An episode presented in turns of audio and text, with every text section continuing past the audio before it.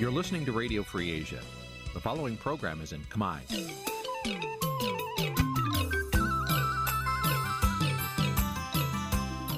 នេះជាកម្មវិធីផ្សាយវិទ្យុអាស៊ីសេរីនេះជាកម្មវិធីផ្សាយរបស់ Vithu Azisari ជាភាសាខ្មែរវិទ្យុអាស៊ីសេរីសូមស្វាគមន៍លោកអ្នកនាងទាំងអស់ពីរដ្ឋធានី Washington នៃសហរដ្ឋអាមេរិកចាប់ពីរដ្ឋធានី Washington នាងខ្ញុំសកជីវីសូមជម្រាបសួរ លោកអ្នកនាងកញ្ញាដែលកំពុងតាមដានការផ្សាយរបស់ Vithu Azizi សេរីទាំងអស់ជាទីមេត្រីយើងខ្ញុំសូមជូនកម្មវិធីផ្សាយសម្រាប់ព្រឹកថ្ងៃប្រហ័ស3កើតខែចេសឆ្នាំខាលចត្វាស័កពុរសករាជ2566ចាប់ត្រូវនៅថ្ងៃទី2ខែមិថុនាគ្រិស្តសករាជ2022ចាត់ជាដំបូងនេះសូមអញ្ជើញលោកអ្នកនាង ស្ដាប់ព័ត៌មានប្រចាំថ្ងៃដែលមានមេត្តាដូចតទៅ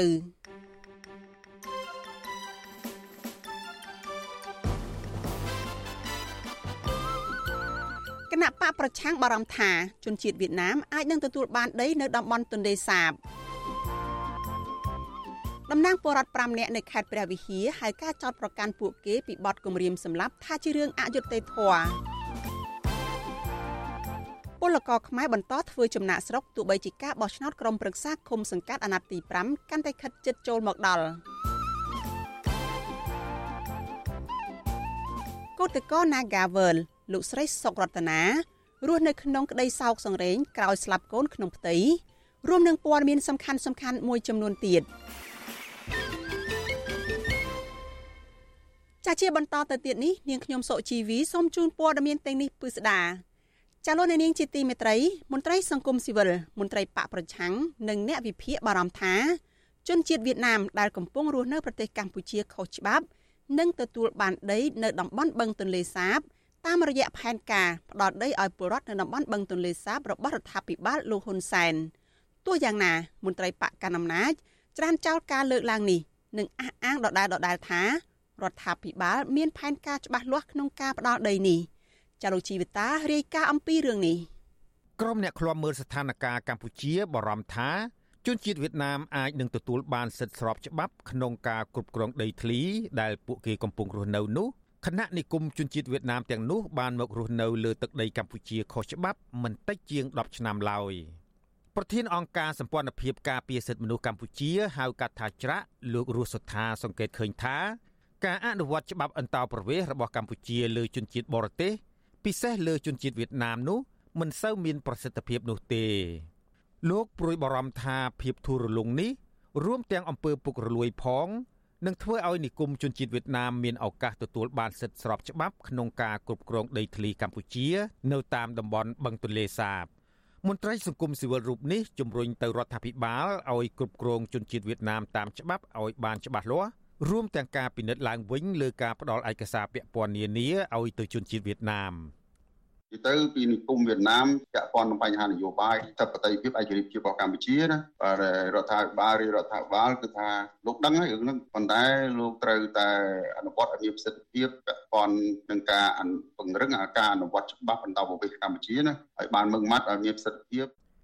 រីឯមន្ត្រីជាន់ខ្ពស់គណៈបកសង្គ្រោះជាតិលោកដួងចន្ទ្រា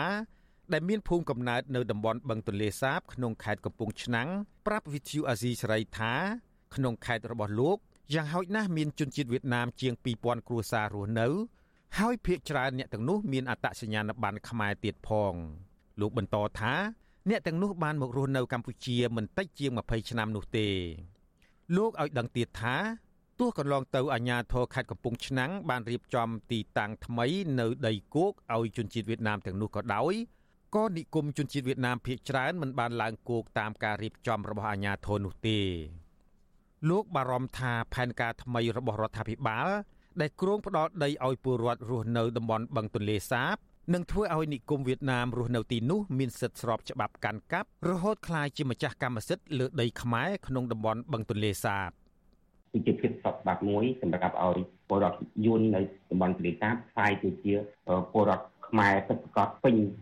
ស្របតាមផ្លូវច្បាប់បាទហើយជារបងមួយការពីទន្លេសាបមិនឲ្យខ្មែរចូលរុករក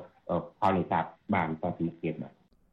ការបញ្ចេញប្រតិកម្មទាំងនេះធ្វើឡើងក្រោយពេលលោកនាយករដ្ឋមន្ត្រីហ៊ុនសែនកាលពីថ្ងៃទី27ឧសភាបានបញ្ជាទៅរដ្ឋមន្ត្រីក្រសួងរៀបចំដែនដីលោកជាសុផារ៉ារដ្ឋមន្ត្រីក្រសួងធនធានទឹក លោកលឹមគៀនហៅអាជ្ញាធរខេត្តនិងមន្ត្រីពាក់ព័ន្ធឲ្យចុះពិនិត្យមើលតំបន់បឹងទន្លេសាបដែលពលរដ្ឋរស់នៅជាក់ស្ដែងនៅក្នុងខេត្តកំពង់ឆ្នាំងពោធិ៍សាត់បាត់ដំបងបន្ទាយមានជ័យសៀមរាប និងខេត្តកំពង់ធំដែលពួកគេបានរស់នៅយូរឆ្នាំឬប្រមាណ10ឆ្នាំឡើងទៅ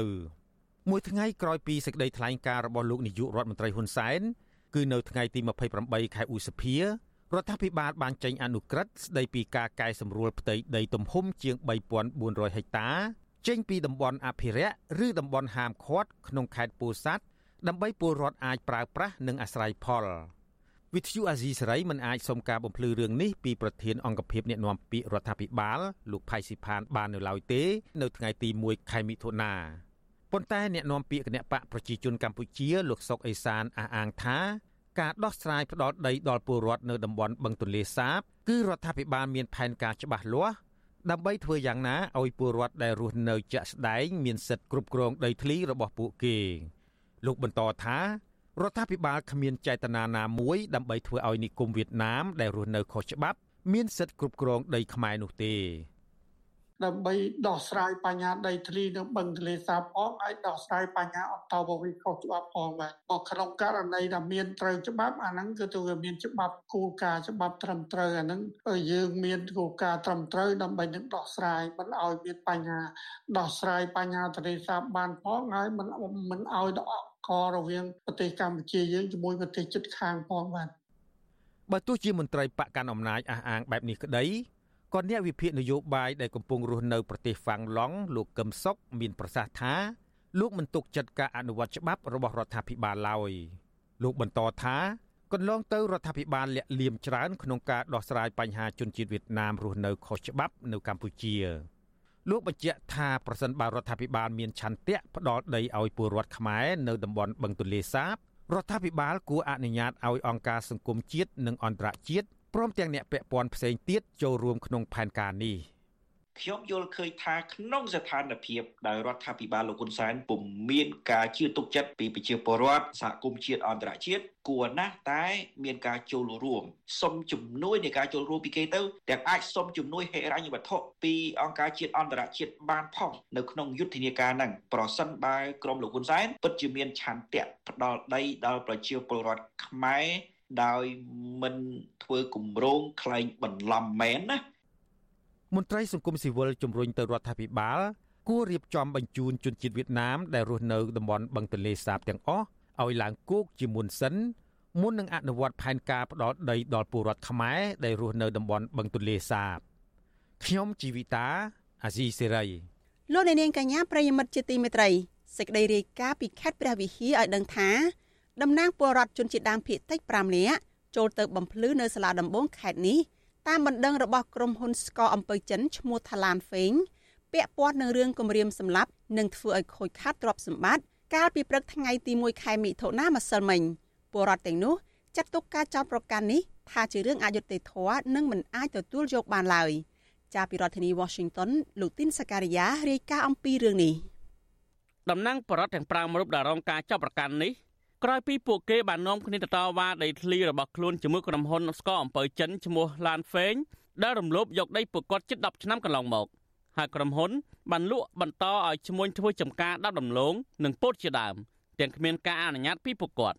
ប្របន្តថាការទៀមទារបស់ពួកគាត់ចំនួន3ថ្ងៃគឺថ្ងៃទី4គឺចាប់ពីថ្ងៃទី4ដល់ថ្ងៃទី13កុម្ភៈឆ្នាំ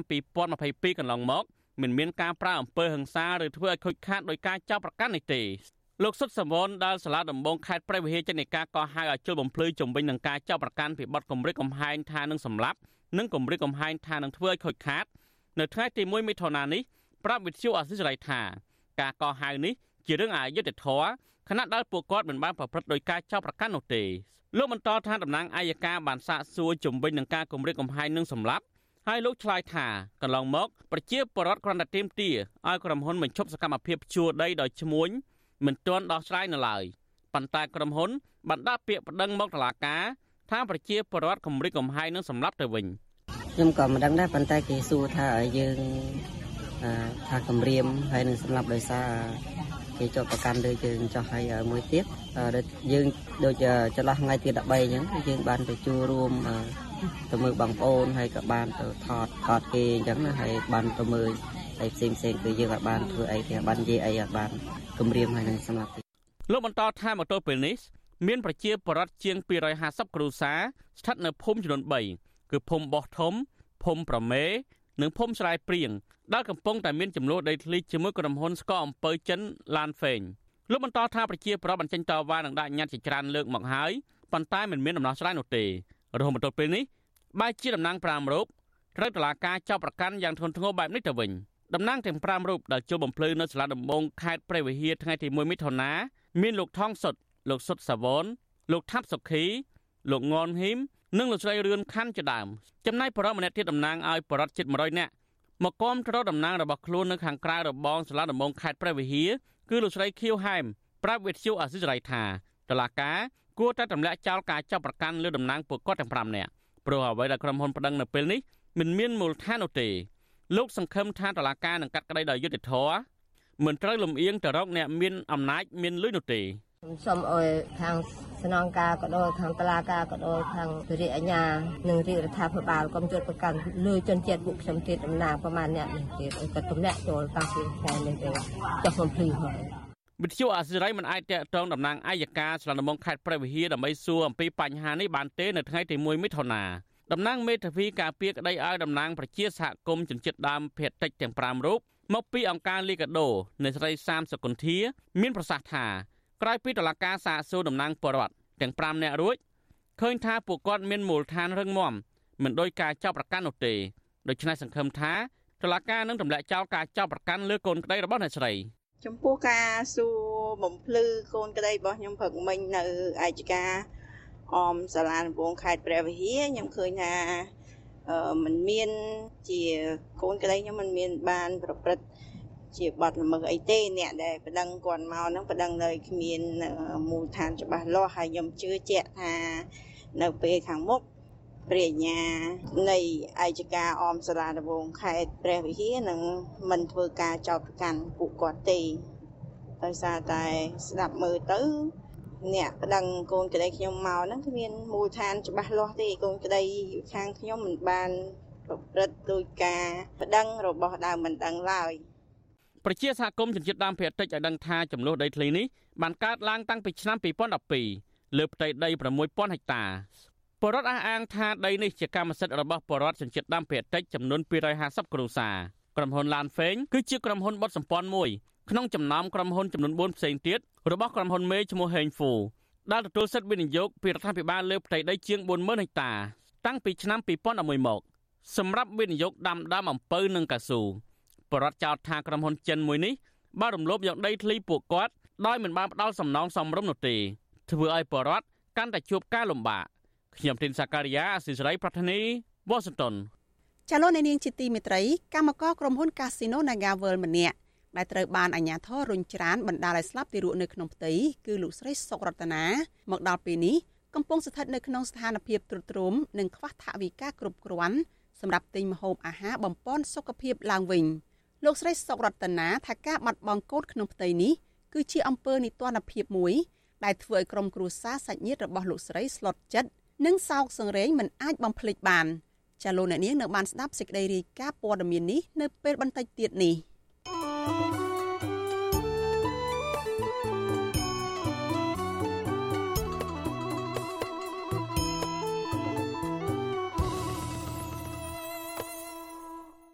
ចាលោកអ្នកនាងកញ្ញាប្រិយមិត្តជាទីមេត្រីចាព័ត៌មានតកតងនឹងរឿងនយោបាយវិញម្ដងព្រះសង្ឃហេងកំឡាយដែលត្រូវបានមន្ត្រីសង្ឃខេត្តសៀមរាបបណ្ដេញចេញមិនឲ្យគង់នៅក្នុងវត្តប្រាសាទរាំងសីទាំងកណ្ដាលយប់ដោយសារគាំទ្រគណៈបកភ្លើងទៀននោះមានថេរដីកាថាពេលនេះ ព្រះអង្គបានភៀសព្រះកាយចេញពីកម្ពុជាដោយសវត្ថភាពហើយកាលពីយប់ថ្ងៃទី1ខែមិថុនាប្រដេចព្រះគុណធ្លាប់តាំងចិត្តថាមិនភៀសព្រះកាយទៅណាក្រៅពីស្រុកកំណើតឡើយប៉ុន្តែព្រះអង្គថាដោយសារតែការគម្រាមកំហែងមានគ្រប់រូបភាពនិងធ្ងន់ធ្ងរជាបន្តបន្ទាប់ប៉ះពាល់ទៅដល់សុវត្ថិភាពនិងអាយុជីវិតសមាជិកក្រុមគ្រួសារបើទោះបីជាមន្ត្រីសង្ឃខេត្តសៀមរាបបណ្ដេញប្រដេចប្រគុណចេញពីវត្តហើយក្តី បញ្ហានេះហើយដែលបង្ខំឲ្យប្រដេចប្រគុណភៀសព្រះកាយចេញទៅក្រៅប្រទេសបណ្ដោះអាសន្នទាំងលំបាកដើម្បីស្វែងរកយុត្តិធម៌ជុំវិញរឿងនេះមានគេចិត្តល្អគេមកប្រាប់ជាសមត្ថកិច្ចមកដល់ធ្វើយើងនិយាយទូរស័ព្ទគៀនថ្មប៉ុន្តែគេលើកទូរស័ព្ទដាក់វិជាគេនិយាយគេគ្រាន់តែធ្វើសម្ដែងនិយាយទូរស័ព្ទក៏ប៉ុន្តែសម្ដីដែលនិយាយនោះគឺនិយាយសម្ដៅមកថ្មព្រះអង្គបើអាច បដិជគុណបើអាចសូមបដិជគុណនិមន្តចេញឲ្យផុតពីទីនេះចោះទៅថៃទៅអីទៅទៅណាក៏ទៅទៅកុំឲ្យនៅទីនេះនៅទីនេះគ្មានសុវត្ថិភាពសម្រាប់ព្រះអង្គទេ ហើយបើសិនជាមានវត្តណានិមន្តព្រះអង្គសូមកុំនិមន្តទៅប្រយ័ត្នចាត់ទៅដល់វត្តវាមានបលិសទៅដល់ញោមស្រីថ្មទៀតនោះព្រះអង្គមានថេររាជការបន្តថាការធ្វើទុកបុកម្នេញពីសំណាក់អាជ្ញាធរមកលើព្រះអង្គនេះ ក៏ដោយសារតែព្រះអង្គគ្រប់គ្រងគណៈបកភ្លើងទៀននិងតែងតែឈឺឆ្អាលក្នុងបញ្ហាសង្គមជាពិសេសរឿងរ៉ាវដីធ្លីរបស់អ្នកស្រុកដែលរងនឹងការច្បាមយកទាំងអយុត្តិធម៌ពីសំណាក់អាជ្ញាធររបស់រដ្ឋាភិបាលលោកនាយករដ្ឋមន្ត្រីហ៊ុនសែនព្រះអង្គអំពាវនាវដល់ព្រះសង្ឃនៅទូទាំងប្រទេសគួរតែហ៊ានក្រោកឈរឡើងបញ្ចេញមតិនិងនាំគ្នាទៅបោះឆ្នោតជ្រើសរើសតំណាងឃុំសង្កាត់មកពីគណៈបកប្រឆាំង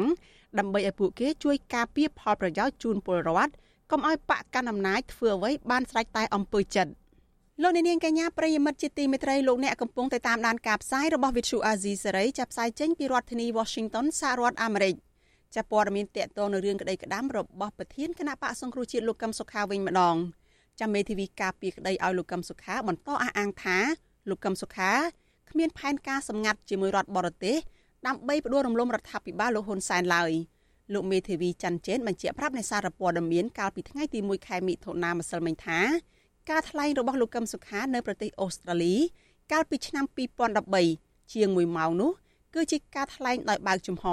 និងមានអ្នកគ្រប់គ្រងលោកកឹមសុខារាប់សិបអ្នកចូលរួមដូច្នេះនេះមិនមែនមានន័យថាជាផែនការសម្ងាត់អ្វីនោះទេមេធាវីការពារក្តីឲ្យលោកកឹមសុខាគឺលោកច័ន្ទជេនថ្លែងប្រាប់អ្នកសារព័ត៌មាននៅក្រៅតុលាការបញ្ចប់សវនកម្មលោកកឹមសុខាថា តាំងពីដើមមកដល់ពេលនេះតុលាការគ្មានភ័ស្តុតាងរឹងមាំដាក់បន្ទុកលោកកឹមសុខា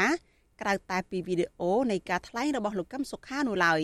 ផ្ទុយទៅវិញលោកមេធាវីមើលឃើញថាមានតែរដ្ឋបរទេសនានាដែលមានទំនាក់ទំនងល្អជាមួយរដ្ឋាភិបាលទៅវិញយើងមើលជារួមវាអត់មានអីដែលត្រូវគេហៅថាភ្នាក់ងារបរទេសឬក៏រដ្ឋបរទេសណាដែលមកគប់ខិតគ្នាជាមួយខេត្តដំកំសខានោះទេអឺមួយទៀតយើងក៏សង្កេតឃើញកូនក្តីបាន មានប្រសាសន៍ជាច្រើនតកតងនឹងសំណួររបស់អាយកាតកតងនឹងការសួរដេញដោលរបស់អាយកាគឺចង់បញ្ជាក់ថាអ្វីដែលគាត់ធ្វើកន្លងមកគឺក្នុងក្របខ័ណ្ឌច្បាប់ទាំងអស់បាទសវនកម្មលើកទី42នេះមានការចូលរួមក្លំមើលពីតំណាងស្ថានទូតបរទេសនិងតំណាងអង្គការសហប្រជាជាតិប្រចាំនៅកម្ពុជាតំណាងអង្គការសង្គមស៊ីវិលក្នុងស្រុកនិងអ្នកសារព័ត៌មានផងដែរកងកម្លាំងប្រដាប់ដោយអាវុធជាង20នាក់បន្តរឹតបន្តឹងសន្តិសុខនៅខាងមុខតុលាការ ខណៈមានអ្នកគាំទ្រលោកកឹមសុខាមួយចំនួនឈរនៅខាងមុខតុលាការតុលាការនឹងបន្តសវនកម្មសដុំរឿងលោកកឹមសុខានេះនៅថ្ងៃទី8ខែមិថុនាសប្តាហ៍ក្រោយទៀត។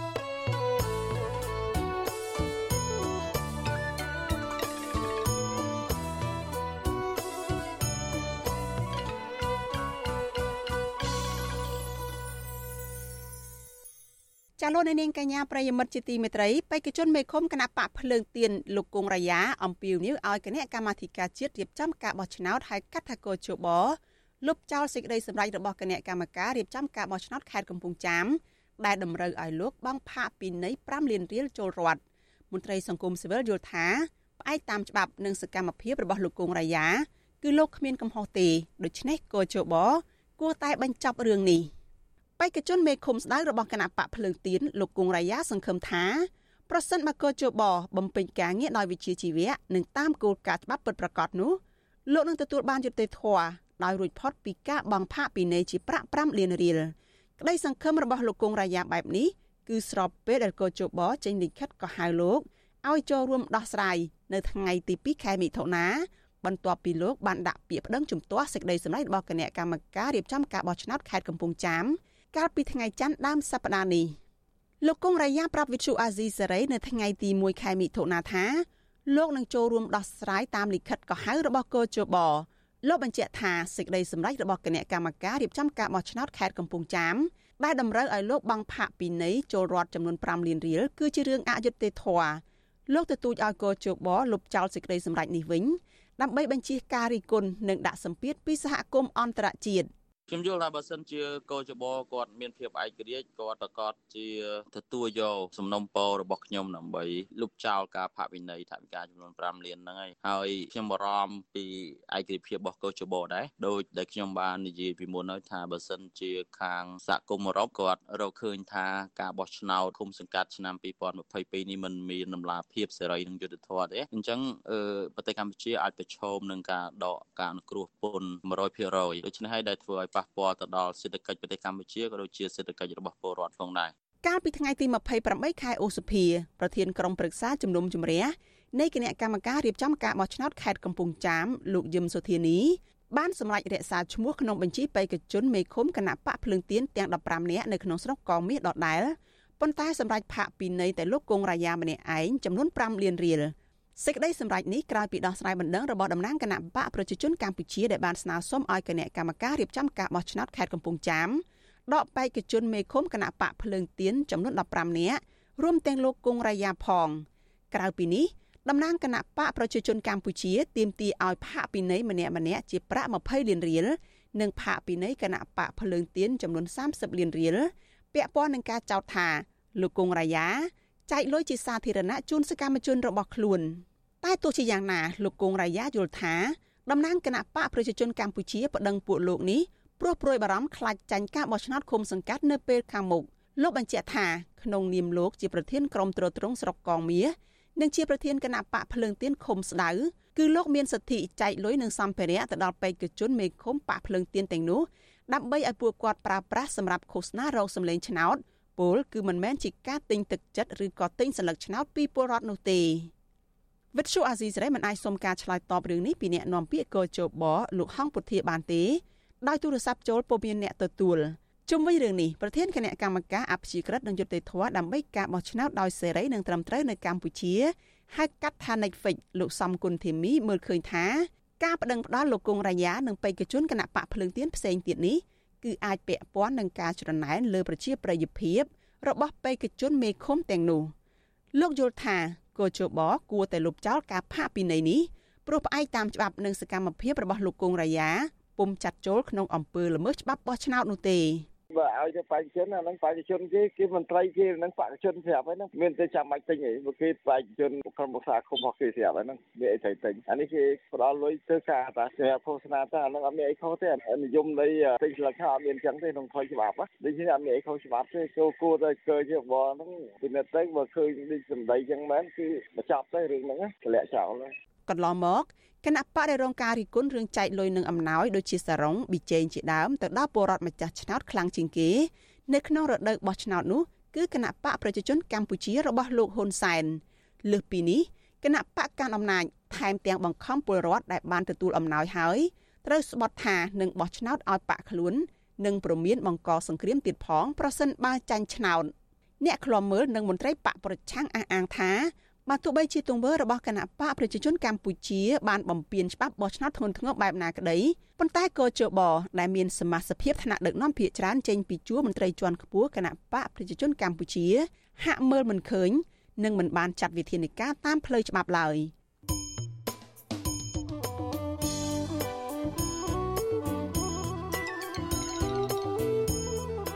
លោកអ្នកនាងកញ្ញាប្រិយមិត្តជាទីមេត្រីចាត់ដំណើរគ្នានឹងការផ្សាយផ្ទាល់តាមបណ្ដាញសង្គម Facebook និង YouTube លោកអ្នកនាងក៏អាចស្ដាប់ការផ្សាយរបស់ Vithu Azizi Saray ចាតាមរយៈវិទ្យុរលកធាតុអាកាសខ្លី SW តាមកម្រិតនិងកម្ពស់ដូចតទៅនេះពេលព្រឹកចាប់ពីម៉ោង5កន្លះដល់ម៉ោង6កន្លះតាមរយៈរលកធាតុអាកាសខ្លី12140 kHz ស្មើនឹងកម្ពស់ 25m និង13715 kHz ស្មើនឹងកម្ពស់ 22m ពេលយប់ ចាប់ពីម៉ោង7កន្លះដល់ម៉ោង8កន្លះតាមរយៈរលកធាតុអាកាសខ្លី9960 kHz ស្មើនឹងកម្ពស់ 30m 12140 kHz ស្មើនឹងកម្ពស់ 25m និង11885 kHz ស្មើនឹងកម្ពស់ 25m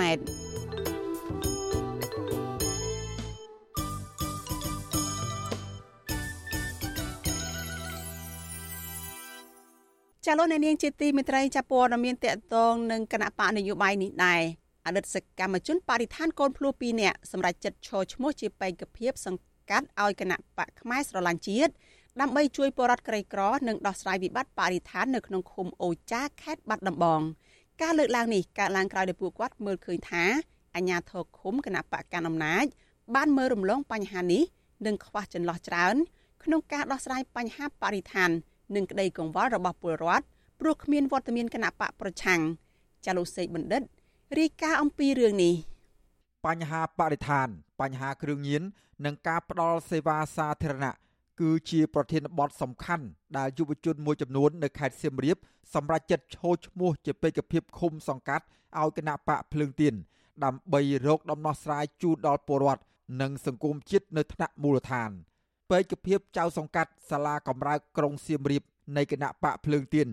លោកនងធីរាប្រាប់បទសុអសីស្រីនៅថ្ងៃទី30ឧសភាថាមូលហេតុដែលលោកសម្រេចចិត្តឈរឈ្មោះជាចៅសង្កាត់នេះ ដោយសារការផ្ដល់សេវាសាធារណៈយឺតយ៉ាវមានអំពើពុករលួយ បញ្ហាសម្រាម និងគ្រឿងញៀន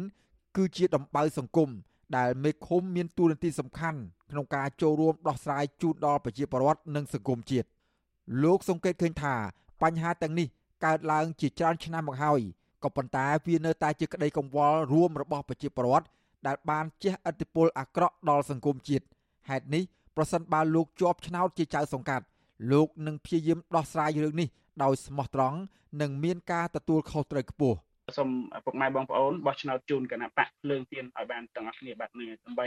មានការផ្លាស់ប្ដូរជាវិជ្ជមាននៅថ្ងៃខាងមុខដើម្បីឲ្យមេឃុំចៅសង្កាត់គណៈបកភ្លើងទៀនមានឱកាសបម្រើនពលរដ្ឋដោយចេញពីចិត្តចេញពីបេះដូងប្រកបដោយភាពស្មោះត្រង់បំផុត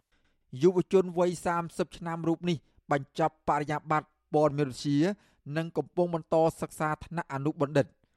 លោកនងធីរាចង់ឃើញភូមិនិងឃុំរបស់លោក មានសន្តិភាពធ្នាប់ល្អ ពលរដ្ឋមានទម្លាប់ទុកដាក់សម្រាមត្រឹមត្រូវហើយការផ្ដល់សេវាសាធារណៈលឿនរហ័សនិងគ្មានអំពើពុករលួយ សង្កាត់សាលាកំរើកក្រុងសៀមរាបមានគណៈបកនយោបាយចំនួន5ដែលបានដាក់បេក្ខភាពក្នុងការបោះឆ្នោតជ្រើសរើសក្រុមប្រឹក្សាឃុំសង្កាត់ក្នុងនោះរួមមានគណៈបកប្រជាជនកម្ពុជា ដែលជាបកកណ្ដាលអំណាចគណៈបកភ្លើងទៀនគណៈបកខ្មែរស្រឡាញ់ជាតិគណៈបកខ្មែររួបរวมជាតិនិងគណៈបកហ្វុនស៊ិមពេច សង្កាត់នេះមាន11អាសនៈដោយមានពលរដ្ឋចុះឈ្មោះបោះឆ្នោតជាង15000នាក់កាលពីឆ្នាំ2017ក្នុងអាណត្តិទី4គណៈបកសង្គ្រោះជាតិទទួលបានជ័យជំនះក្នុងសង្កាត់នេះដោយជាប់ឆ្នោតជាប្រធានក្រុមប្រឹក្សាសង្កាត់រីឯពេកភាពជាស្ត្រី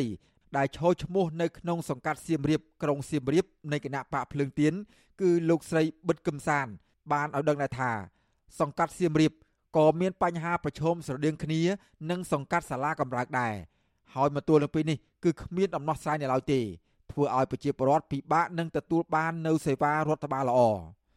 លោកស្រីសង្កេតឃើញថាកន្លងទៅការផ្ដល់សេវាសាធារណៈរបស់អាជ្ញាធរមានការរើសអើងប្រកាន់និន្នាការនយោបាយនិងយឺតយ៉ាវបង្កការលំបាកដល់ប្រជាពលរដ្ឋហេតុដូច្នេះហើយប្រសិនបើលោកស្រីឈ្នះឆ្នោត នឹងព្យាយាមដោះស្រាយបញ្ហានេះឲ្យបានមានប្រសិទ្ធភាពដោយគ្មានអំពើពុករលួយលោកស្រីបញ្ញាថានឹងអនុវត្តយន្តការ7ចំណុចរបស់គណៈបកភ្លើងទៀនឲ្យមានប្រសិទ្ធភាព គឺជាដំណោះស្រាយល្អធ្វើឲ្យប្រជាពលរដ្ឋមានជីវភាពប្រសើរ។ ញ្ញាចិត្តថាបំរើប្រជាពលរដ្ឋដោយភាពរស់រាយរាក់ទាក់និងយកទុកលំបាកនិងចោះសង្កេតមើលថាតើប្រជាពលរដ្ឋនៅក្នុងភូមិដែលខ្ញុំគ្រប់គ្រងនឹងតើគាត់ជួបបញ្ហាអីខ្លះខ្ញុំនឹងដោះស្រាយភ្លាមភ្លាមជូនពួកគាត់មិនមានពុករលួយហើយស្អាតស្អំស្ត្រីវ័យជាង30ឆ្នាំរូបនេះសិក្សាបញ្ចប់ថ្នាក់បរិញ្ញាបត្រផ្នែកគណនេយ្យនិងធនាគារលោកស្រីស្រមៃថាសេដ្ឋកិច្ចពលរដ្ឋនឹងរីកចម្រើន ប្រសិនបើអាជ្ញាធរមូលដ្ឋាន យកចិត្តទុកដាក់បម្រើពលរដ្ឋដោយស្មោះត្រង់និងមិនប្រព្រឹត្តអំពើពុករលួយ សង្កាត់សៀមរាបក្រុងសៀមរាប មានគណៈបកនយោបាយចំនួន5ដែលបានដាក់បេក្ខភាពក្នុងការបោះឆ្នោតជ្រើសរើសក្រុមសាឃុំសង្កាត់ក្នុងនោះមានគណៈបកប្រជាជនកម្ពុជាគណៈបកភ្លើងទៀនគណៈបកខ្មែរស្រឡាញ់ជាតិគណៈបករួបរวมជាតិនិងគណៈបកហ្វុនស៊ិមពេចកាលពីឆ្នាំ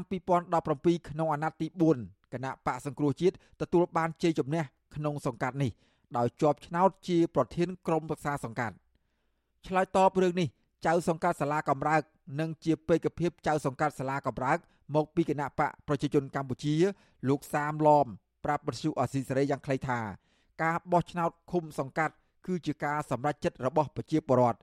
លោកបដិសេធមិនឆ្លើយនឹងសំណួរផ្សេងទៀតដោយលោកបានបិទទូរស័ព្ទ ហើយឲ្យខ្ញុំថាសុខភាពនិយមលើកកខ្លួនឯងបាទអត់អត់អត់ទទួលយកបានទេអាការងារទូសិចចុះខ្ញុំឆ្លើយមិនចេញអារឿងនេះរឿងរបស់ជាបរិបទទេជុំវិញរឿងនេះប្រធានមជ្ឈមណ្ឌលប្រជាពលរដ្ឋដើម្បីការអភិវឌ្ឍកម្ពុជាលោកយ៉ងកំឯងគាំទ្រយុវជន និងយុវនារី ដែលមានកម្រិតវប្បធម៌ថ្នាក់បរិញ្ញាបត្រឡើងទៅ បានឈោះឈ្មោះជាពេកភាពឃុំសង្កាត់ដើម្បីបម្រើប្រជាពលរដ្ឋនិងសង្គមជាតិឲ្យបានត្រឹមត្រូវនិងយុត្តិធម៌លោកបញ្ជាក់ថា ប្រជាពលរដ្ឋគួរតែមានការលើកទឹកចិត្តចំពោះយុវជនទាំងនេះបើយុវជនមានចំណេះដឹងខ្ពស់នឹងជួយអភិវឌ្ឍឃុំសង្កាត់បានរីកចម្រើន។កិច្ចការដែលជួយទៅដល់ប្រជាពលរដ្ឋនៅមូលដ្ឋានតាមរយៈវិមជ្ឈការអំណាចដែលគេបកលឲ្យនោះបាទអញ្ចឹងទាំងអស់នេះគឺខ្ញុំគិតថាមានសារៈសំខាន់ហើយខ្ញុំរីករាយដែលមានអ្នកដែលឈរឈ្មោះគុំសង្កាត់មានអ្នកដែលមានចំណេះដឹងខ្ពស់ខ្ពស់រហូតដល់បរិញ្ញាបត្រ ការបោះឆ្នោតជ្រើសរើសក្រុមប្រឹក្សាឃុំសង្កាត់អាណត្តិទី5នេះនឹងប្រព្រឹត្តទៅនៅថ្ងៃអាទិត្យទី5ខែមិថុនាខាងមុខការបោះឆ្នោតក្នុងអាណត្តិទី5នេះមានគណៈបកនយោបាយចំនួន17បានចូលរួមប្រគល់ប្រជែងដណ្ដើមយកអាសនៈសមាជិកក្រុមប្រឹក្សាឃុំសង្កាត់ដែលមានចំនួន10000អាសនៈហើយប្រជាពលរដ្ឋជាង9លាន2សែននាក់បានចុះឈ្មោះក្នុងបញ្ជីបោះឆ្នោតខ្ញុំបាទសេកបណ្ឌិតវុទ្ធុអាស៊ីសេរីពីរដ្ឋធានីវ៉ាស៊ីនតោន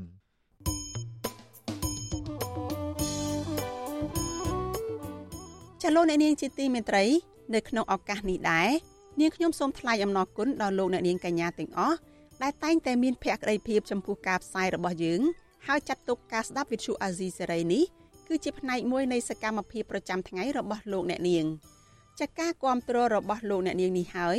ដែលធ្វើឲ្យយើងខ្ញុំកាន់តែមានទឹកចិត្តខ្លាំងថែមទៀតក្នុងការស្វែងរកព័ត៌មាននិងផ្តល់ព័ត៌មានពិតជូនលោកអ្នកនាង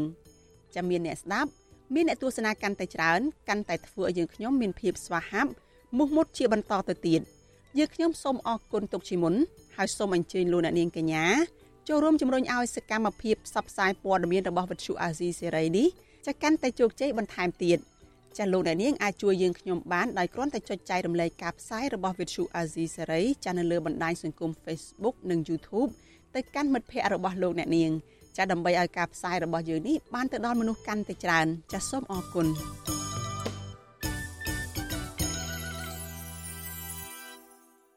លោកអ្នកនាងកញ្ញាប្រិយមិត្តជាទីមេត្រីលោកអ្នកកំពុងតាមដានការផ្សាយរបស់ Vithu Azizi សេរីចាប់ផ្សាយចេញពីរដ្ឋធានី Washington សហរដ្ឋអាមេរិកចាប់ពលករខ្មែរជាច្រើនអ្នកនៅតែបន្តឆ្លងដែនខុសច្បាប់ទៅរកការងារធ្វើនៅប្រទេសថៃស្របពេលដែលការបោះឆ្នោតក្រុមប្រឹក្សាគុំសង្កាត់កាន់តែខិតជិតចូលមកដល់ ពលករអះអាងថាពួកគាត់ចង់បោះឆ្នោតណាស់ប៉ុន្តែដោយសារតែជីវភាពក្រីក្រហើយគ្មានការងារធ្វើនៅក្នុងស្រុកទើបសម្រេចចិត្តធ្វើចំណាក់ស្រុកទាំងប្រថុយប្រឋានបែបនេះ។មន្ត្រីសង្គមស៊ីវិលយល់ឃើញថាការរៀបចំការបោះឆ្នោតរបស់រដ្ឋាភិបាលមិនអាចធានាបាននូវសិទ្ធិទទួលបានការបោះឆ្នោតសម្រាប់ប្រជាពលរដ្ឋចំណាក់ស្រុកដោយសារតែកត្តាខ្វះការងារធ្វើនៅក្នុងស្រុកចាលោកសេកបណ្ឌិត មានសេចក្តីរាយការណ៍មួយទៀតជំវិញព័ត៌មាននេះ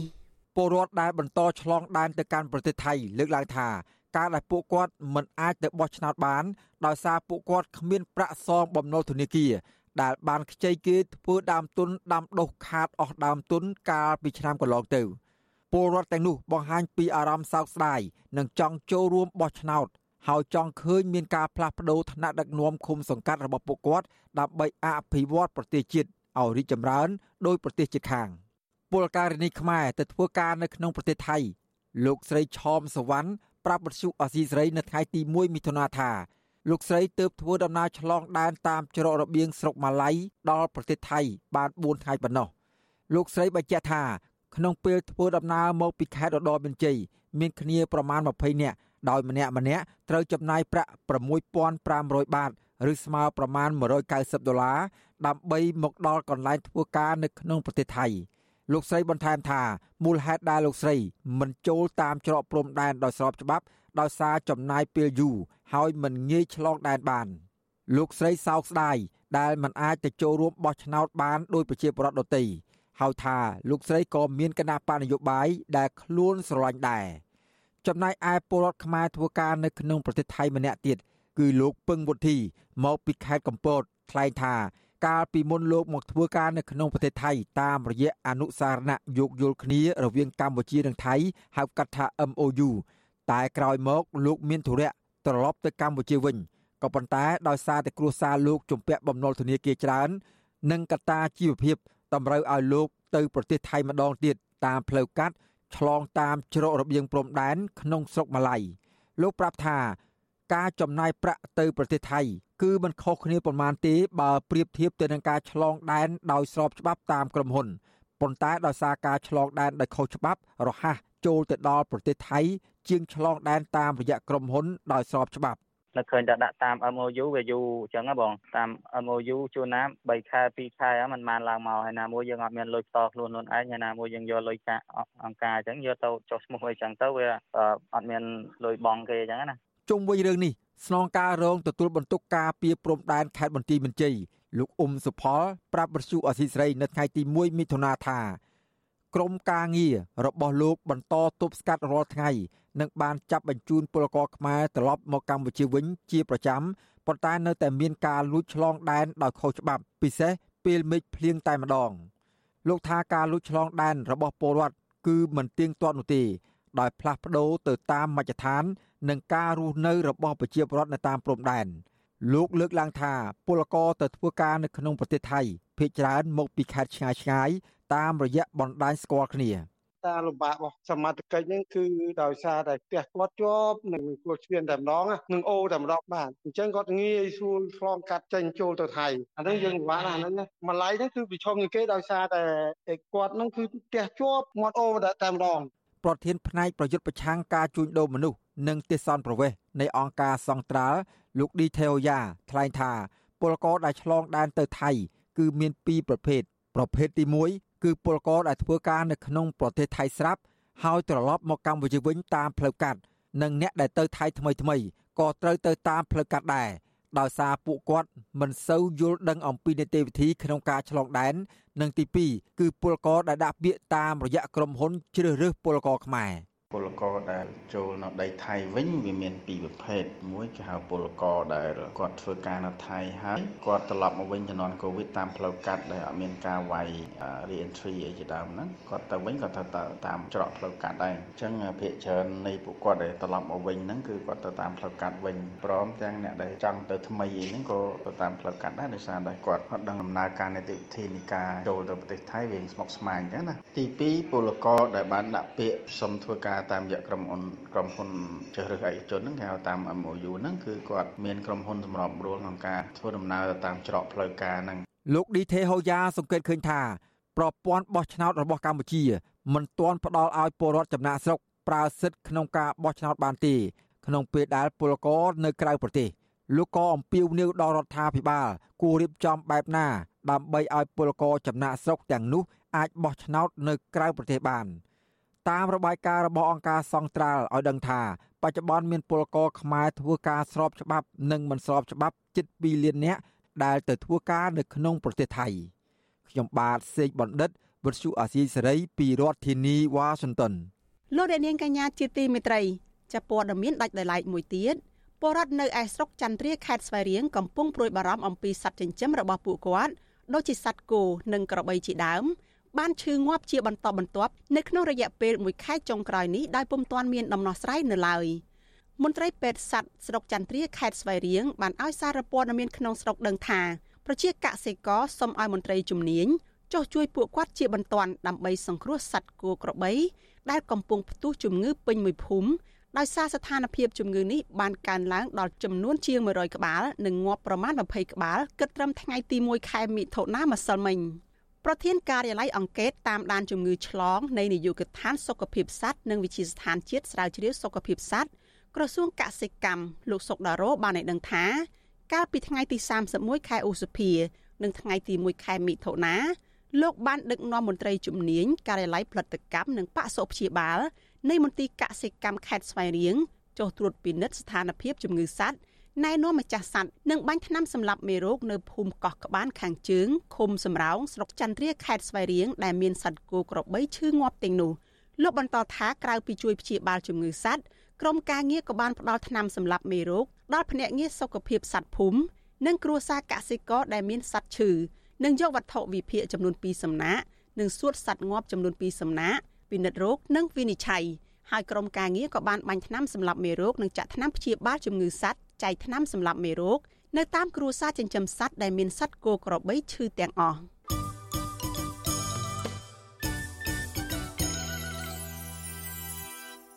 លោកអ្នកនាងកញ្ញាជាទីមេត្រីលោកអ្នកកំពុងតែតាមដានការផ្សាយរបស់ Vithu Azizi Serai ចកម្មករក្រុមហ៊ុន Casino Naga World ម្នាក់ដែលត្រូវអាជ្ញាធររុញច្រានបណ្ដាលឲ្យស្លាប់ទីរក់ក្នុងផ្ទៃគឺលោកស្រីសុករតនាមកដល់ពេលនេះ កំពុងស្ថិតនៅក្នុងស្ថានភាពទ្រុឌទ្រោមនិងគ្មានថវិកាគ្រប់គ្រាន់សម្រាប់ទិញម្ហូបអាហារសម្រាប់បំពេញសុខភាពឡើងវិញឡើយលោកស្រីសុករតនាថាការបាត់បង់កូនក្នុងផ្ទៃនេះគឺជាអំពើនីតិរដ្ឋភាពមួយដែលធ្វើឲ្យក្រុមគ្រួសារនិងសាច់ញាតិរបស់លោកស្រីស្លុតចិត្តនិងសោកសង្រេងដែលមិនអាចបំភ្លេចបានចាលូទីនសការីយ៉ាមានសេចក្តីរាយការណ៍មួយទៀតអំពីរឿងនេះកតកក្រុមហ៊ុន Nagavel ម្នាក់គឺលោកស្រីសុករតនាលើកឡើងទាំងអួលដំកថាលោកស្រីនឹងប្តី ព្រមទាំងបងប្អូនសាច់ញាតិសោកសង្រេងនិងសោកស្ដាយបំផុតពេលបាត់បង់ទារកក្នុងផ្ទៃដោយសារតែកម្លាំងសមត្ថកិច្ចរុញច្រានលោកស្រីមិននឹកស្មានថាការប្រើសិទ្ធិជាមូលដ្ឋានរបស់លោកស្រីដើម្បីទាមទារឲ្យថកែបនលបែង Nagavel គោរពច្បាប់កម្ពុជាបែរជាត្រូវបានអាជ្ញាធរបង្ក្រាបដោយហិង្សារហូតដល់បាត់បង់កូនក្នុងផ្ទៃទៅវិញលោកស្រីបន្តថាអ្វីត្បិតតែមកទល់ពេលនេះការធ្លាក់ឈាមថមថយយ៉ាងណាក្តីប៉ុន្តែលោកស្រីនៅមានអាការៈចុកពោះម្ដងម្កាលនិងខ្សោះអស់កម្លាំង លោកស្រីសុងរតនាប្រាប់វិទ្យុអសិរ័យថាគ្រូពេទ្យបានហៅលោកស្រីបន្តការតាមដានសុខភាពនិងមកពិគ្រោះជាមួយគ្រូពេទ្យជំនាញជាប្រចាំដោយសារតែធ្លាក់ឈាមច្រើនក្នុងអំឡុងពេលដែលកូនបានស្លាប់នៅក្នុងផ្ទៃលោកស្រីបន្តថាម្យ៉ាងប្រឈមនឹងវិបត្តិសេដ្ឋកិច្ចក្នុងគ្រួសារម្យ៉ាងសុខភាពកំពុងតែក្រំគ្រាចំណែកឯការងារក៏ត្រូវបានក្រុមហ៊ុនផ្អាកហើយត្រូវចាយវាយត្បិតត្បៀតបំផុតនិងគ្មានប្រាក់សម្រាប់ទិញម្ហូបអាហារសម្រាប់បំពេញសុខភាពនោះឡើយ លោកស្រីឲ្យដឹងទៀតថាទោះបីជាលោកស្រីមានសុខភាពប្រសើរឡើងវិញក៏ដោយវិជ្ជបណ្ឌិតបានហាម5មិនឲ្យលោកស្រីយកកូនក្នុងរយៈពេលយូរអង្វែង។ ជាក់ស្ដែងឥឡូវហ្នឹងវាពិបាកខ្លាំងរឿងបញ្ហាលុយកាក់ហើយខ្ញុំមកមកពេលដែលខ្ញុំមានបញ្ហាតាំងពីថ្ងៃ16ខ្ញុំធ្លាក់ឈាមហ្នឹងមកវាវាអស់ចូល6 700ឯងបងហើយអាមនុស្សចាស់ថាយើងយើងគ្រួសារយើងមានតែខាងគ្រួសារហើយប្រាក់ខែគាត់ក៏មិនម៉ានដែរបងអើយហើយទុកអត់ចង់ជាប់ទេណាមួយថ្លៃត្បង់ធនាគារណាមួយថ្លៃពេទ្យណាមួយថ្លៃហូបចុកត្រូវញ៉ាំអីរបស់បើបើអីចឹងហើយយើងអត់លុយទេបងអារម្មណ៍ខ្ញុំឥឡូវហ្នឹងគឺថាខ្ញុំឈឺចាប់ខ្លាំងកូនខ្ញុំធម្មតាបងហើយយើងស្រឡាញ់កូនណាបងទោះយើងមានកូនពីរកូន3ហើយក៏ដោយក៏យើងនៅតែមានអារម្មណ៍ថាស្រឡាញ់កូនដែរទោះជាយ៉ាងណាលោកស្រីថាការបាត់បង់កូនជាទីស្រឡាញ់នឹងធ្វើឲ្យលោកស្រីដិតដាមភាពឈឺចាប់និងអារម្មណ៍សោកស្ដាយអស់មួយជីវិតលើពីនេះលោកស្រីបន្តថាបញ្ហាដែលបានកើតមានសម្រាប់លោកស្រីកន្លងមកនេះជាបទពិសោធន៍មួយ បានបង្រៀនឲ្យលោកស្រីបានយល់កាន់តែច្បាស់ថែមទៀតពីទង្វើរបស់អាជ្ញាធរដែលបានប្រើអំពើហិង្សា និងបន្សល់ការជឿចាប់សម្រាប់លោកស្រីនិងក្រុមគ្រួសារ លោកស្រីសង្រតនារៀបរាប់បន្តថាការចេញទៀមទាធ្វើកតកម្មអរិយៈពេលជាង5ខែកន្លងមកនេះលោកស្រីនិងកោតក្រដែលភៀកច្រើនជាស្ត្រីផ្សេងទៀតបានទទួលរងភាពអយុត្តិធម៌ទុំទន់គ្នាលោកស្រីអះអាងថាការចេញតវ៉ាដើម្បីទៀមទារំដោះស្រាយនេះស្ទើរតែคล้ายជាវិវាទជាមួយអាជ្ញាធរដោយសារតែសមត្ថកិច្ចតែងតែដាក់កម្លាំងបង្ក្រាបដោយហិង្សាទាំងគ្មានក្តីអាណិតលើកម្មករដែលកំពុងតែរងការគៀបសង្កត់ពីសំណាក់ក្រុមហ៊ុនបរទេស។ លោកស្រីមនឹកស្មានថាប្រទេសកម្ពុជា មានច្បាប់ហើយមន្ត្រីអាជ្ញាធរតែងតែអះអាងថាជាប្រទេសមានសន្តិភាពផងនោះប៉ុន្តែនៅពេលដល់កម្មករគ្រាន់តែប្រើសិទ្ធិស្របច្បាប់ទាមទារឲ្យមានសហជីពនៅកន្លែងធ្វើការងារដើម្បីឲ្យមានតលយៈភាពការងារជាមួយថកែបែរជារងការបង្ក្រាបដាក់គំនាបលើកម្មករបែបនេះទៅវិញលោកស្រីវាតម្លៃថាការបង្ក្រាបរបស់កម្លាំងសមត្ថកិច្ចលើកតកអត់ជប់ជ្រោនេះមិនមែនជាការអនុវត្តច្បាប់នោះទេ គឺមន្ត្រីអាជ្ញាធរមានការរៀបចំជាប្រព័ន្ធជាមួយភាគីក្រុមហ៊ុនដើម្បីដាក់សម្ពាធលើបរិវត្តខ្លួនឯង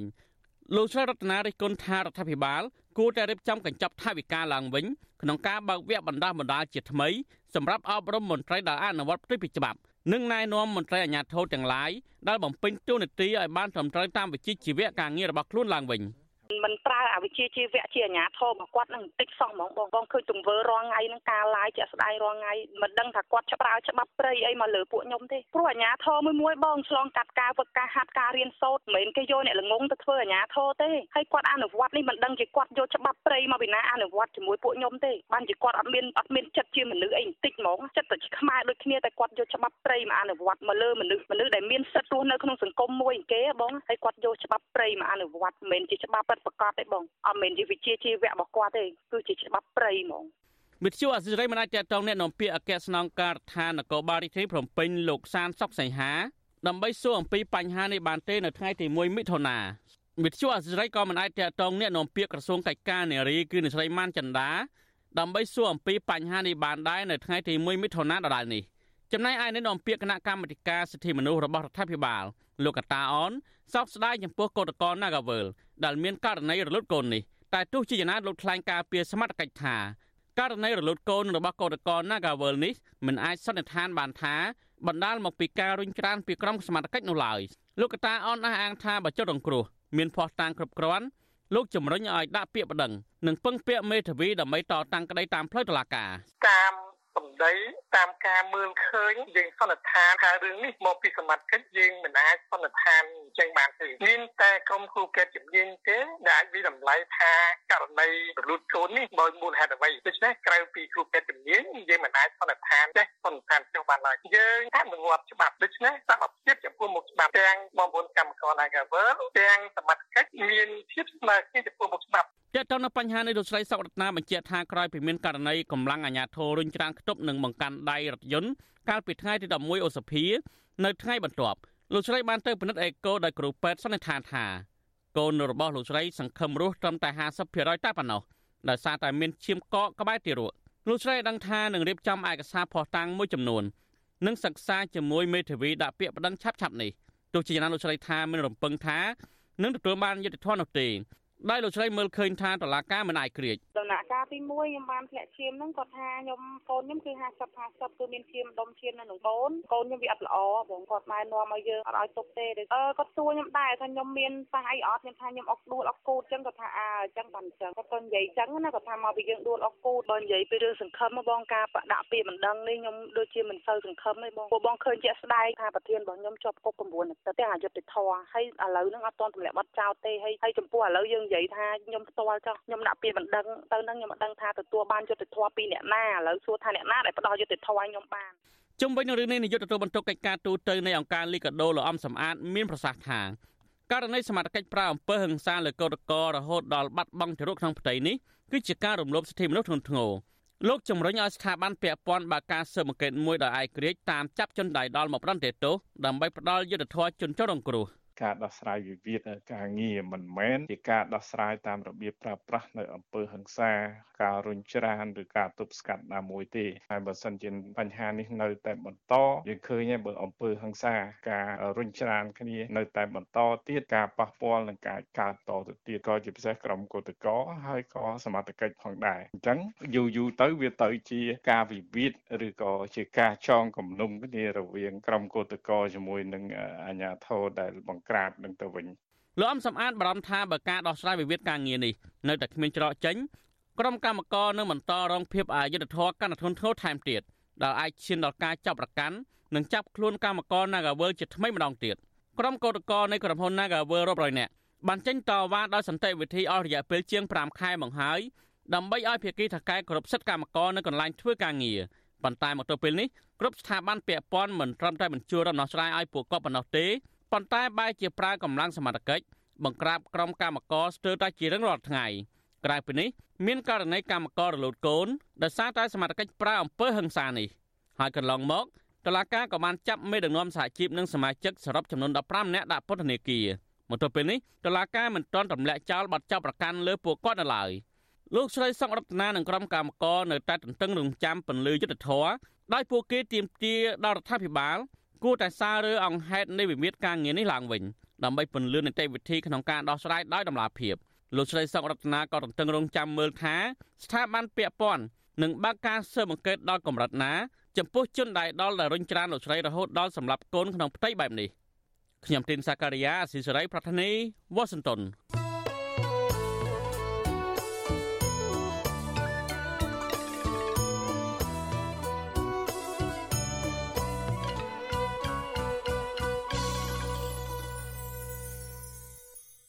ចាលោកអ្នកនាងជាទីមេត្រីការបោះឆ្នោតក្រុមប្រឹក្សាឃុំសង្កាត់គឺជាឱកាសរបស់ពលរដ្ឋនៅតាមមូលដ្ឋានទូទាំងប្រទេសធ្វើការសម្រេចចិត្តថាតើពួកគេគួរតែបោះឆ្នោតឲ្យមន្ត្រីដឹកនាំឃុំសង្កាត់នៃគណៈបកដឹកនាំដដែលដដែល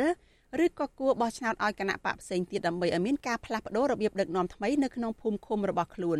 ការបោះឆ្នោតជ្រើសរើសមេដឹកនាំតាមមូលដ្ឋាននេះធ្វើឡើងរៀងរាល់5ឆ្នាំម្ដង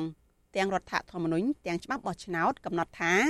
ការបោះឆ្នោតនេះ ធ្វើឡើងជាសកលដោយត្រឹមត្រូវដោយស្មារភាព ដោយចំពោះនិងដោយសម្ងាត់តើការបោះឆ្នោតដោយត្រឹមត្រូវដោយស្មារភាពនិងដោយសម្ងាត់មានអត្ថន័យនិងសារៈសំខាន់យ៉ាងណាចាលោកជីវិតាមានសេចក្តីរាយការណ៍មួយទៀតអំពីរឿងនេះការបោះឆ្នោតគឺជាយន្តការមួយធ្វើឡើងដើម្បីឲ្យពលរដ្ឋមានជំរឿក្នុងការជ្រើសរើសគណៈបកណាមួយដែលខ្លួនគិតថាអាចធ្វើឲ្យជីវភាពនិងសេរីភាពរបស់ពួកគេបានល្អប្រសើរឡើង អ្នកសង្កេតស្ថានភាពនយោបាយកម្ពុជាពន្យល់ថាការបោះឆ្នោតគឺជាពេលវេលាមួយត្រូវផ្លាស់ប្ដូរចេញនៅរបៀបដឹកនាំចាស់ដែលមិនរីកចម្រើនជំនួសមកវិញនៅឈាមថ្មី ឬអ្នកដឹកនាំថ្មី ដែលចេះពីរបៀបអភិបាលកិច្ចល្អនិងគិតគូរពីផលប្រយោជន៍ពលរដ្ឋជាធំពលរដ្ឋអាចសម្រេចបំណងប្រាថ្នានេះបាន ដោយប្រើប្រាស់សតិសម្បញ្ញៈរបស់ខ្លួនដោយវៃឆ្លាតបោះឆ្នោតឲ្យគណៈបកណាមួយដែលស្មោះត្រង់នឹងពលរដ្ឋពិតប្រាកដ បណ្ឌិតឡៅម៉ុងហៃមានប្រសាសន៍ថាការបោះឆ្នោតប្រៀបដូចជាសត្វពស់ដល់ពេលសក់សំណក់ចាស់ចេញពីខ្លួន ឬជំរុះស្បែកចាស់ចោលជំនួសមកវិញនៅស្បែកថ្មី និងធម៌ពលថ្មី ការបោះឆ្នោតនឹងជាឱកាសផងជាយន្តការផងដើម្បីឲ្យសង្គមនឹងដូចពួកវាសអស់វាមានតែសតាថ្មីស្បែកវាថ្មីពេលហ្នឹងតាំងពីគំនិតបញ្ញា តាំងពីកម្លាំងកាយគឺមានសន្ទុះឡើងវិញគឺដោយសារការវិវត្តរបស់សង្គមគំនិតគ្រប់គ្រងសង្គមហ្នឹងវាលែងសំស្របនឹងសង្គមដែលជឿនលឿនជាមុនណាហើយនៅពេលហ្នឹងគេអាចរកគំនិតថ្មីអាគំនិតគ្រប់គ្រងដឹកនាំសង្គមឬកសាងសង្គមដើម្បីឲ្យសង្គមនឹងកាន់តែខ្លាំងរឹងមាំសុខសាន្តឬក៏ចម្រើនលូតលាស់ គឺអាការបោះឆ្នោតនេះវាសំខាន់ទេបើទោះជាមន្ត្រីដដែលជាប់ឆ្នោតបន្តដឹកនាំឃុំសង្កាត់ទៅមុខទៀតក៏គោលបំណងនៃការបោះឆ្នោតតម្រូវឲ្យមន្ត្រីចាស់កាន់អំណាចដដែលនេះខិតខំប្រឹងប្រែងរកគំនិតថ្មីល្អល្អដើម្បីយកមកកែច្នៃឬកែលម្អរបៀបគ្រប់គ្រងក្នុងមណ្ឌលរបស់ខ្លួនឲ្យពលរដ្ឋកាន់តែមានជីវភាពល្អប្រសើរឡើង ជាងពេលមុនមុនបណ្ឌិតឡាវមង្ហៃមានប្រសាសន៍ថាក្រុមប្រឹក្សាឃុំសង្កាត់ ទោះជាមកពីគណៈបកណាក៏ដោយគឺជាអ្នកបម្រើរាជពួកគេមានកាតព្វកិច្ចនិងការទទួលខុសត្រូវក្នុងការលើកកម្ពស់ជីវភាពរបស់ពលរដ្ឋតាមរយៈផ្តល់សេវាសាធារណៈល្អបង្កើតការងារពង្រឹងវិស័យអប់រំនិងសុខាភិបាលប្រយុទ្ធប្រឆាំងនឹងគ្រឿងញៀនកាត់បន្ថយអំពើពុករលួយជាដើម ដើម្បីឧត្តមប្រយោជន៍របស់ម្ចាស់ឆ្នោត អាគំនិតដែលចាស់ហ្នឹងគឺអ្នកចាស់ហ្នឹងដែលគ្រប់គ្រងសង្គមហ្នឹងត្រូវតែមានគំនិតថ្មីដែរខ្ញុំចាំណាជា Nixon ក៏និយាយដែរណាថាគំនិតរបស់អ្នកដឹកនាំហ្នឹងត្រូវទៅមុខដែលគំនិតរបស់ដែលប្រជាពលរដ្ឋដើម្បីឲ្យសង្គមហ្នឹងកាន់តែសុខសាន្តចម្រើនលូតលាស់យ៉ាងទៅច្បាប់ស្តីពីការបោះឆ្នោតនៅកម្ពុជា ក្នុងនោះមានរដ្ឋធម្មនុញ្ញនិងច្បាប់អនុម័តដោយរដ្ឋសភានោះ សុទ្ធតែធានាជូនពលរដ្ឋកម្ពុជានៅសិទ្ធិបោះឆ្នោតដោយសេរី ត្រឹមត្រូវនិងសម្ងាត់មាត្រា2នៃច្បាប់ស្តីពីការបោះឆ្នោតក្រុមប្រឹក្សាឃុំសង្កាត់ចែងថាឃុំសង្កាត់នីមួយៗត្រូវមានក្រុមប្រឹក្សាមួយដែលត្រូវបានបោះឆ្នោតជ្រើសរើសឡើងដោយប្រជាពលរដ្ឋនៃឃុំសង្កាត់របស់ខ្លួន តាមរយៈការបោះឆ្នោតជាទូទៅ ជាសកល ដោយសេរី ត្រឹមត្រូវ ដោយស្មារភាព ដោយចំពោះនិងដោយសម្ងាត់ បោះឆ្នោតជាសកលមានន័យថា ពេលបោះឆ្នោតក្រុមប្រឹក្សាឃុំសង្កាត់ម្ដងម្ដង គឺបោះទូទាំងប្រទេស មិនមែនបោះតែក្នុងឃុំ ឬសង្កាត់ណាមួយនោះទេ ពាក្យថាបោះឆ្នោតដោយសេរី មានន័យថាពលរដ្ឋចង់បោះឆ្នោតឲ្យគណៈបកណាមួយក៏បាន តាមដែលខ្លួនពេញចិត្តដោយគ្មានការគៀបសង្កត់ ពាក្យថាបោះឆ្នោតដោយត្រឹមត្រូវមានន័យថាគ្មានការលួចបន្លំសัญลักษณ์ឆ្នោតរបស់ពលរដ្ឋពាក្យថាបោះឆ្នោតដោយស្មារភាព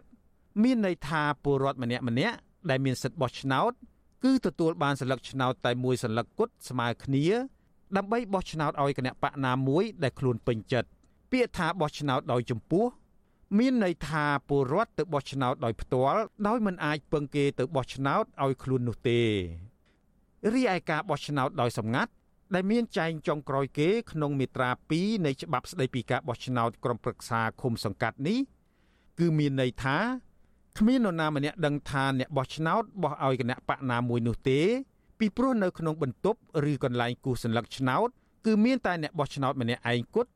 និងគ្មានម៉ាស៊ីនថតសម្ងាត់ឡើយលើសពីនេះក៏មានអ្នកសង្កេតការបោះឆ្នោតចាំឃ្លាំមើលដែរហើយសមត្ថកិច្ចមូលដ្ឋាននិងគណៈកម្មាធិការជាតិរៀបចំការបោះឆ្នោតជាអ្នកទទួលខុសត្រូវក្នុងការសម្រួលឲ្យលក្ខខណ្ឌទាំងអស់នេះកើតមានឡើង ក្នុងសង្គមប្រជាធិបតេយ្យ ដែលពលរដ្ឋមានសិទ្ធិនិងអំណាចចូលរួមគ្រប់គ្រងប្រទេសតាមរយៈតំណាងរបស់ខ្លួននោះការបោះឆ្នោតគឺជាគ្រឹះដ៏សំខាន់មួយដែលខានមិនបាននាយកប្រតិបត្តិនៃអង្គការដំឡាភិបកម្ពុជា លោកពេជ្រពិសីលើកឡើងថាការចូលរួមបោះឆ្នោតរបស់ប្រជាពលរដ្ឋគ្រប់រូបជាកិច្ចការសំខាន់ព្រោះវាជាស្នូលនៃប្រជាធិបតេយ្យហើយលោកបញ្យល់ថា ការបោះឆ្នោតត្រឹមត្រូវ មានន័យថាជាការបោះឆ្នោតគ្មានការបង្ខិតបង្ខំហើយការបោះឆ្នោត ដែលអាចនាំលទ្ធិជាតិតៃទៅមុខបានតតការបោះឆ្នោតនឹងជាការបោះឆ្នោតដែលលទ្ធផលបោះឆ្នោតនឹងឆ្លុះបញ្ចាំងពីឆន្ទៈរបស់អ្នកបោះឆ្នោតនឹងបាទអញ្ចឹងបើសិនជាយើងត្រូវបានគេបង្ខំឲ្យបោះអានឹងមិនមែនឆន្ទៈយើងទេហើយបើសិនជាយើងបោះទៅមានការកេងបន្លំក៏មិនមែនឆន្ទៈយើងដែរអញ្ចឹងសូមឲ្យពលរដ្ឋចូលរួមយល់ដឹងពីបញ្ហានយោបាយហើយសារៈសំខាន់នៃការបោះឆ្នោតហើយត្រូវធានាថាការបោះឆ្នោតស្លឹកឆ្នោតយើងមួយស្លឹកហ្នឹងគឺឆ្លុះបញ្ចាំងអំពីដួងចិត្តរបស់យើង ស្រឡាញ់គណៈបកណាបេក្ខជនណាយើងបោះឲ្យអ្នកនឹងទៅចំណែកការបោះឆ្នោតដោយសម្ងាត់វិញលោកពេជ្រពិសីបញ្ជាក់ថាទោះជាមានការគម្រាមកំហែងនិងទិញទឹកចិត្តយ៉ាងណាក៏ដោយក៏ពលរដ្ឋត្រូវដឹងថាសញ្ញាឆ្នោតរបស់ពួកគេជាសញ្ញាឆ្នោតសម្ងាត់ពលគឺគ្មាននរណាដឹងថាអ្នកបោះឆ្នោតបោះឲ្យគណៈបកណាមួយនោះទេសម្រាប់បរិបទនយោបាយកម្ពុជាបច្ចុប្បន្ន ការចែកអំណោយពីបកនយោបាយដើម្បីទិញទឹកចិត្តពលរដ្ឋបោះឆ្នោតឲ្យបកខ្លួននោះតែងកើតមានប៉ុន្តែលោកពេជ្រពិសីផ្ដល់យោបល់ថាពលរដ្ឋអាចទទួលយកអំណោយទាំងនោះប៉ុន្តែមិនចាំបាច់បោះឆ្នោតឲ្យបកនោះទេបើសិនជាយើងមានសម្ពាធថាយើងត្រូវតែយកអំណោយយើងយកចោះក៏ប៉ុន្តែយើងត្រូវដឹងថាសិទ្ធិនៃការបោះឆ្នោតដោយសម្ងាត់គឺនៅតែមានអញ្ចឹងសម្ងាត់នៅក្នុងប្រអប់អីជាដើមអញ្ចឹងទោះបីជាយើងយកអំណោយគេក៏ដោយយើងមិនចាំបាច់ ត្រូវតែបោះឆ្នោតតែគេទេបើយើងមិនពេញចិត្តទៅលើបេក្ខភាពនឹងឬក៏គណៈបកនឹងបាទដោយសារការបោះឆ្នោតគឺធានាថាយើងធ្វើឡើងដោយសម្ងាត់អានឹងនៅក្នុងច្បាប់ក៏មានហើយក៏ចុះបោះគាត់ធានាថាការបោះឆ្នោតត្រូវធ្វើដោយសម្ងាត់អញ្ចឹងខ្ញុំគិតថាបើពលរដ្ឋគាត់យកចុះហើយដែលគាត់ខ្លាចផងអីផងក៏ប៉ុន្តែកុំឲ្យគាត់គិតថាបើយកត្រូវទៅបោះឲ្យគេមិនចាំបាច់ទេការបោះឆ្នោតជ្រើសរើសក្រុមប្រឹក្សាគុំសង្កាត់អាណត្តិទី5នឹងប្រព្រឹត្តទៅនៅថ្ងៃអាទិត្យទី5ខែមិថុនាឆ្នាំ2022 ការបោះឆ្នោតនេះមានការចូលរួមពីគណៈបកនយោបាយសរុប17គណៈបកក្នុងនោះគណៈបកដែលបានរាយបេក្ខជននៅគ្រប់ឃុំសង្កាត់ទាំងអស់ទូទាំងប្រទេសគឺគណៈបកប្រជាជនកម្ពុជា ដែលជាគណៈបកកាន់អំណាច និងបន្ទាប់មក គឺគណៈបកភ្លើងទៀនដែលបានដាក់បេក្ខជនរបស់ខ្លួនស្ទើរគ្រប់ឃុំសង្កាត់ទាំងអស់ទូទាំងប្រទេសប៉ុន្តែពុំមានវត្តមានគណៈបកសង្គ្រោះជាតិដែលត្រូវបានតុលាការកំពូលរំលាយចោលកាលពីចុងឆ្នាំ2017នោះទេ ខ្ញុំជីវិតាអាស៊ីសេរី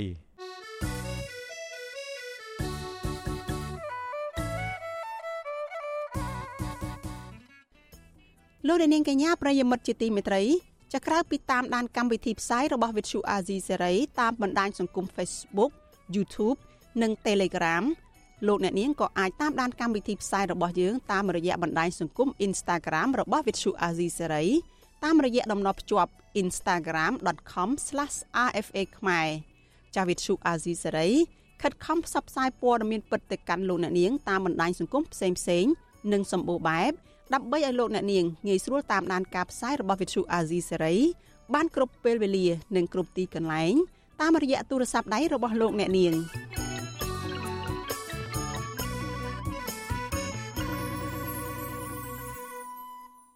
ចលនានាងកញ្ញាប្រិយមិត្តជាទីមេត្រីការផ្សាយរយៈពេល1ម៉ោងរបស់ Vithu Azizi Serai ជាភាសាខ្មែរនៅព្រឹកនេះចាប់ត្រឹមតែប៉ុណ្ណេះនាងខ្ញុំសុជីវីព្រមទាំងក្រុមការងារទាំងអស់នៃវិទ្យុអាស៊ីសេរីសូមអរគុណនិងសូមជម្រាបលា